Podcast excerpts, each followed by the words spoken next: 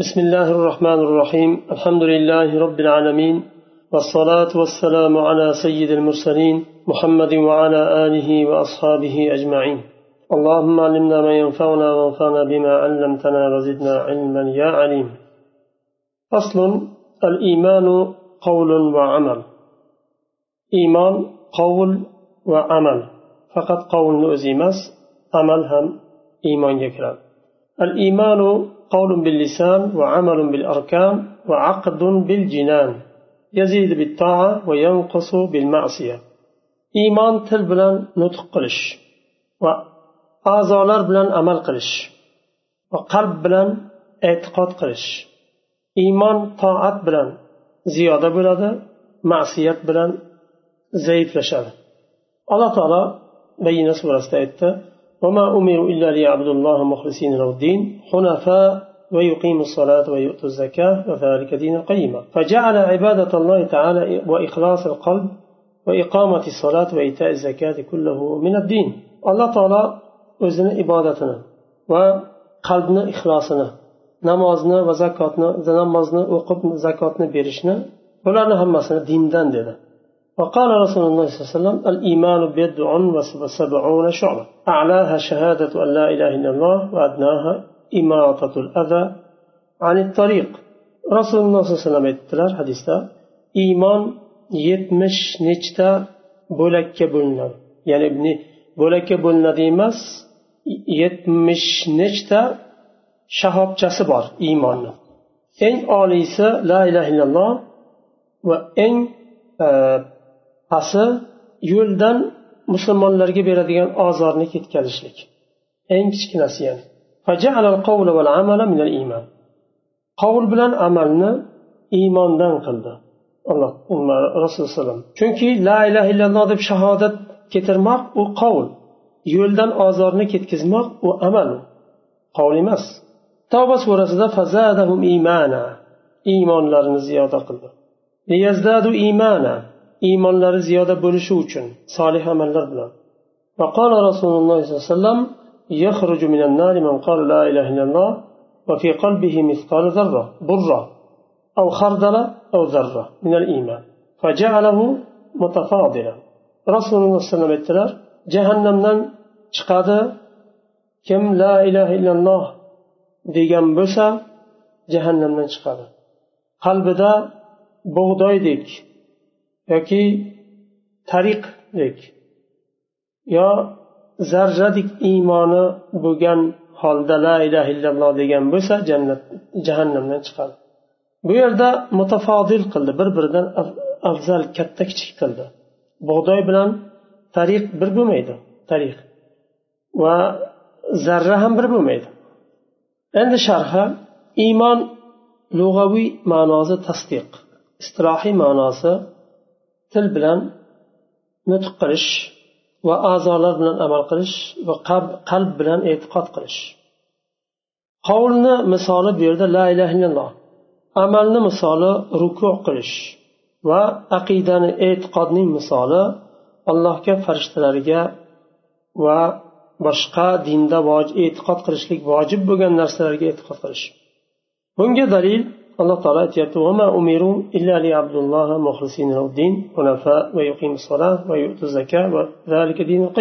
buni nimasi tarjimasi yuqorida o'tgani uchun man tarjimasini aytmay o'tyapman. Ixlosni namozni zakotni dindan qildi. Va rasululloh alayhi aytdilar iymon yetmish nechta shahobchaga nima shahobchasi bor ya'ni shoxi bor. Bir bir daraxtni bir nechta shoxi bo'lganidek iymonni ham shunday shoxi bor. Bir nechta. Yetmish nechta. Eng oliysi la ilaha illalloh deb shahodat keltirmoq. Va eng nimasi? Kichkinasi yo'ldan nimani? Ozorni ketkazmoq bu muslimda kelgan. Illalloh degan. Eng afzali la ilaha illalloh. Yuqorida alaha deyildi bu hadisni asli sahihaynda kelgan. buxoriy muslimda demak iymon toat bilan ziyoda bo'ladi ma'siyat bilan noqis bo'ladi chunki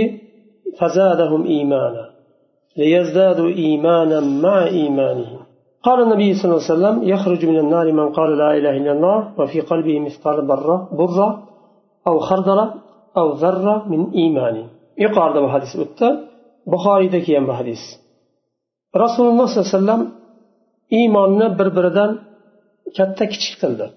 Chunki bug'doy bilan tarix va nima? Zarra barobar emas. Agar ziyoda bo'lishlik sobit bo'lgan bo'lsa nuqson bo'lishligi noqis bo'lishligi ham zaiflashishi ham sobit bo'ladi. Chunki bir narsani ziyoda bo'lishligidan lozim bo'ladi o'zidan ziyodadan ko'ra noqis u. Demak ziyoda bo'lgan narsa noqis ham bo'ladi. Faslun al imanu bikulli ma akhbara bihi ar rasul navbatdagi fasl rasululloh sollallohu alayhi vasallam xabar bergan har bir narsaga iymon keltirishlik ويجب الإيمان بكل ما أخبر به النبي صلى الله عليه وسلم وصح به النقل عنه فيما شاهدناه أو غاب عنا. نعلم أنه حق وصدق وسواء في ذلك في ذلك ما عقلناه وجهلناه ولم نطلع على حقيقة معناه. ثم حديث الإسراء والمعراج وكان يقظة لا مناما فإن قريشا أنكرته وأكبرته ولم تنكر المنامات rasululloh sollallohu alayhi vasallam xabar bergan va sahih san'at bilan bizga naql qilingan har bir narsaga iymon keltirishlik vojib bo'ladi biz guvoh bo'lgan narsa bo'lsa ham yoki bizdan g'oyib bo'lgan narsa bo'lsa ham hadisda kelgan bo'lsa sahih hadis bo'lsa iymon keltirishlik vojib bo'ladi. Bilamizki u kishi bizga naql qilgan rasululloh alayhi vasallam bizga qoldirgan har bir hadis so'z haq va sidiqdir. Va barobar farqi yo'q biz uni ma'nosini tushunamizmi yo tushunmaymizmi? Buni misoli isro va meroj hadis uyg'oq hollarida isroga va nimaga e, merojga chiqadilar. Tushlarida emas deyaptilar. Quraysh buni inkor qildi va juda ham katta sanadi. Bu bo'lishi mumkin emas dedi. Mustahil bir narsa dedi. Lekin tushlarni inkor qilmasdi quraysh. Agar tush bo'lganda quraysh inkor qilmagan bo'lardi. Tushni biz ham ko'ramiz degan bo'lardi. Ha har qanday inson tushda har xil tush ko'radi deydi.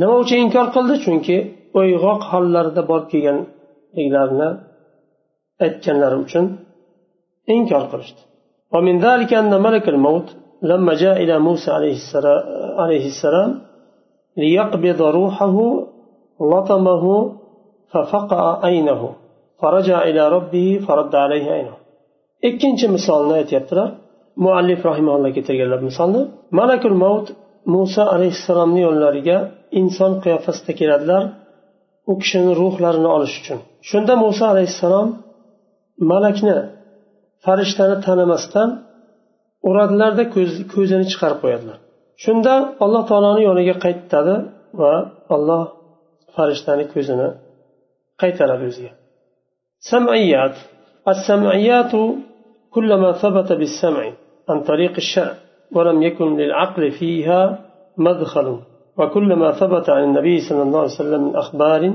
فهي حق يجب تصديقه سواء شاهدناه بحواسنا أو غاب عنا سواء أدركناه بعقولنا أم لم ندركه.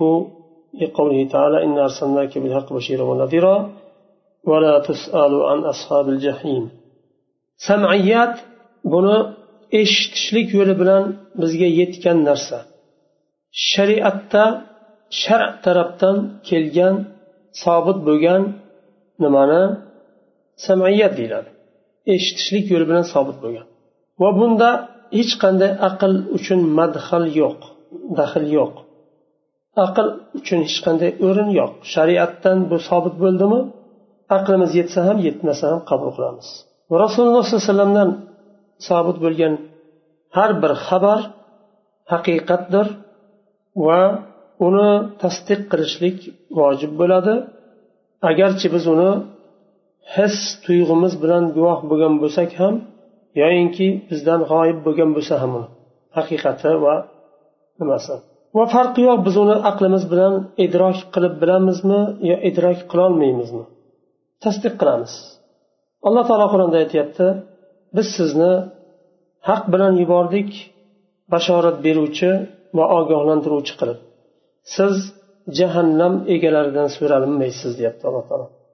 muallif bir nechta nimani zikr qilib o'tdi bu yerda birinchisi isro va meroj isro lug'aviy ma'nosi kechasi yurish sirriy sirriy ma'nosida ham keladi deyaptilar va shar'an va istilohiy ma'nosi shar'iy ma'nosi سير جبريل بالنبي صلى الله عليه وسلم من مكة إلى بيت المقدس لقوله تعالى سبحان الذي أسرى بعبده ليلا من المسجد الحرام إلى المسجد الأقصى جبريل عليه السلام رسول الله صلى الله عليه وسلم bilan makkadan baytul maqdisga kechasi yurishlari bu isro deyiladi alloh taolo qur'onda aytyapti bandasini kechasi masjidi haromdan masjidil aqsoga yuritgan etgan ya'ni yetkazgan zot nuqsonlardan pokdir deyapti والمعراج لغة الآلة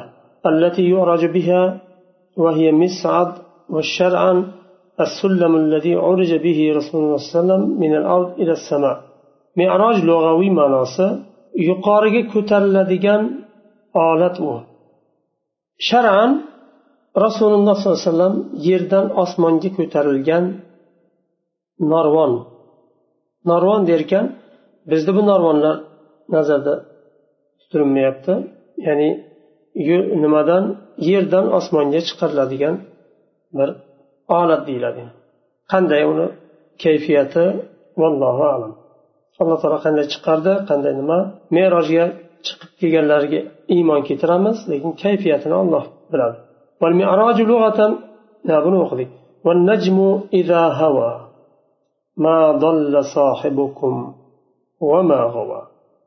yulduz bilan qasam ichyapti alloh taolo tushgan vaqtida.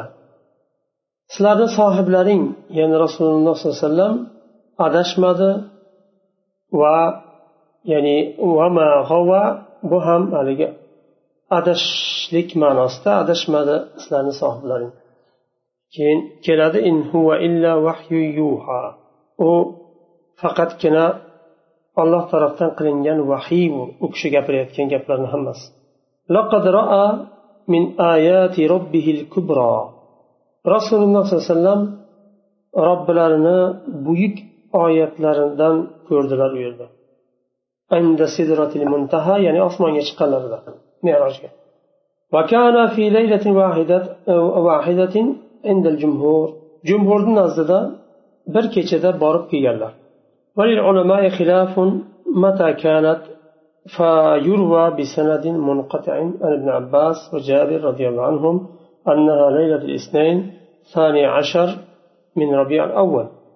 علماء اختلاف لشتة قشن بجنبه ميراج منقطع نما بلان سند بلان رواية قلنين عبد الله بن عباس وجابر رضي الله عنهم دشنبه كن كيشاسه ربيع الأول 12 12 bo'lgan degan nima sobit bo'lgan xabar ikkita sahobiydan lekin yilini tayin qilmaganlar va yurva an zuhriy va urva أنها قبل الهجرة بسنة بسنة zuhriydan va urvadan rivoyat qilinadi hijratdan bir yil oldin degan رواه البيهقي فتكون في ربيع الأول ولم يعين الليلة وقال وقاله ابن سعد وغيره وجزم به النووي bu yuqoriga taalluqli hijratdan bir sana oldin degan bayhaqiy ham rivoyat qilgan buni bu robiyal avvalda bo'lganligi sobit bo'ladi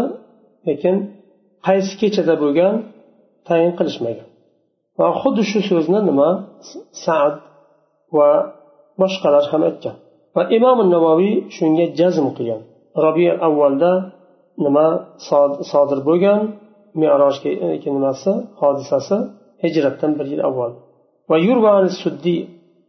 أنها قبل الهجرة بستة عشر شهرا رواه الحاكم فتكون في ذي القعدة وقيل قيل قبل الهجرة بثلاث سنين وقيل بخمس وقيل بالست سديدا رواية قلنا هجرة أن ألت آي ألدن بغن hokim rivoyat qilgan buni va bunday bo'ladigan bo'lsa zulqadaga to'g'ri keladi va bir qovulda hijratdan uch yil oldin deyilgan boshqa qovulda besh yil deyilgan yana boshqa qovulda hijratdan olti yil oldin deyilgan وكان يقظة لا مناما لأن قريشا أكبرته وأنكرته ولو كان مناما لم تنكره لأنها لا تنكر المنامات uyg'oq hollarida jasadlari bilan chiqib tushganlar uxlagan hollarida emas ruhlari emas chunki quraysh buni katta sanadi va inkor qildi agar tush bo'lganda inkor qilmasdi ular وقصته أن جبريل أمره الله أن يسري بالنبي صلى الله عليه وسلم إلى بيت المقدس البراق ثم يعرج به يعرج به إلى السماء سماوات العلى سماء سماء حتى بلغ مكانا سمع فيه صريف الأقلام وفرض الله عليه الصلوات الخمس واطلع على الجنة والنار واتصل بالأنبياء الكرام وصلى بهم إماما ثم رجع إلى مكة فحدث الناس بما رأى فكذبه الكافرون وصدق به المؤمنون وتردد فيه آخرون. Bu merojni qissasi jibril alayhissalom alloh taolo u kishiga buyuradi rasululloh sollallohu alayhi vasallamni baytul maqdisga etishni. Va undan keyin nima merojga chiqarishni. Eng oliy osmonga ya'ni yettinchi osmonga. Samaan samaan osmon bitta bitta osmondan o'tib bordi.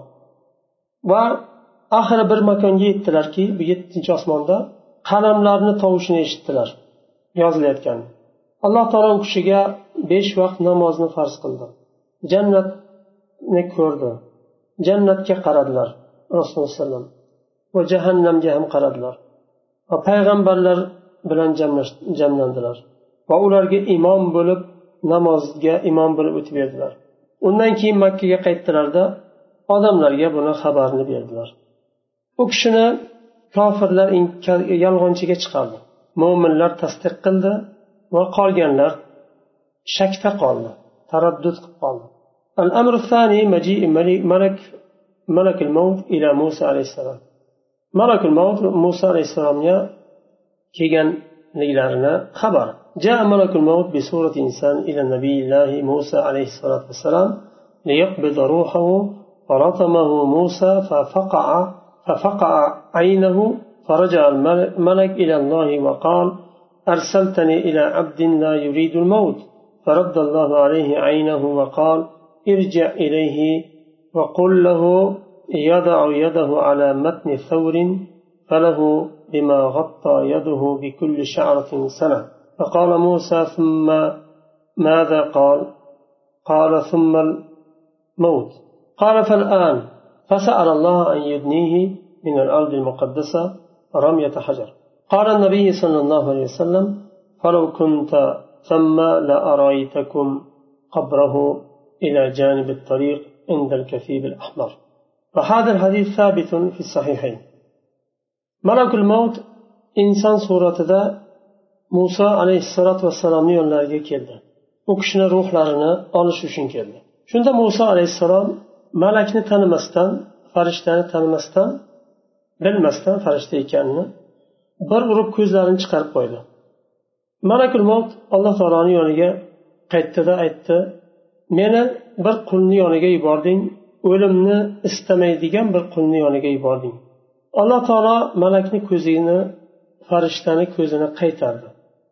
Undan keyin aytdi muso alayhissalomni yoniga qaytib bor va u kishiga ayting qo'lini ho'kizni beliga qo'ysin. Qo'li qoplagan yerda nechta qancha ho'kizni tuki bo'lsa shuncha yil hayotda qoladi dedi. Shunda malakul mavt kelib muso alayhissalomga xabar berganda muso alayhissalom so'raydilar undan keyin shu yillar tugagandan keyin nima bo'ladi? Farishta aytdi o'lim bo'ladi keyin. O'lasiz. Aytdilar hozir oling unday bo'lsa baribir o'lay ekansan. Va alloh taolodan duo qildi u kishini. muqaddas yerga tosh otilinadigan darajagacha yaqin qilishni rasululloh alayhi aytadilar لأريتكم قبره إلى جانب الطريق عند الكثيب الأحمر agar u yerda bo'lganingda edi yo'lni yonida kasibil ahmar degan nimada qabrni ko'rsatardim dedilar ya'ni bu yerda bu holatlar bir tarafdan aqlga insonni aqli qabul qilishi qiyin og'ir bo'lgan bir holatlar. Insonni aqli hamma narsani qabul qilishi tushunishi idrok qilishi shart emas iymon keltirish uchun. Allohdan rasuldan bo'lgandan keyin iymon keltiriladi. Farishtani kelishi inson suratda kelishi va muso alayhissalom u kishini tanimasdan urib ko'zini chiqarib qo'yishi. Bu hadis buxoriyda va muslimda sobit bo'lgan. Va لأن بعض المبتدعة أنكرت أنكره معللا ذلك بأنه يمتنع أن موسى يلطم الملك ونرد عليهم بأن الملك أتى موسى بصورة إنسان لا يعرف موسى من هو يطلب منه نفسه فمقتضى الطبيعة البشرية أن يدافع المطلوب عن نفسه. ولو علم موسى أن ملك أنه ملك لم يلطمه.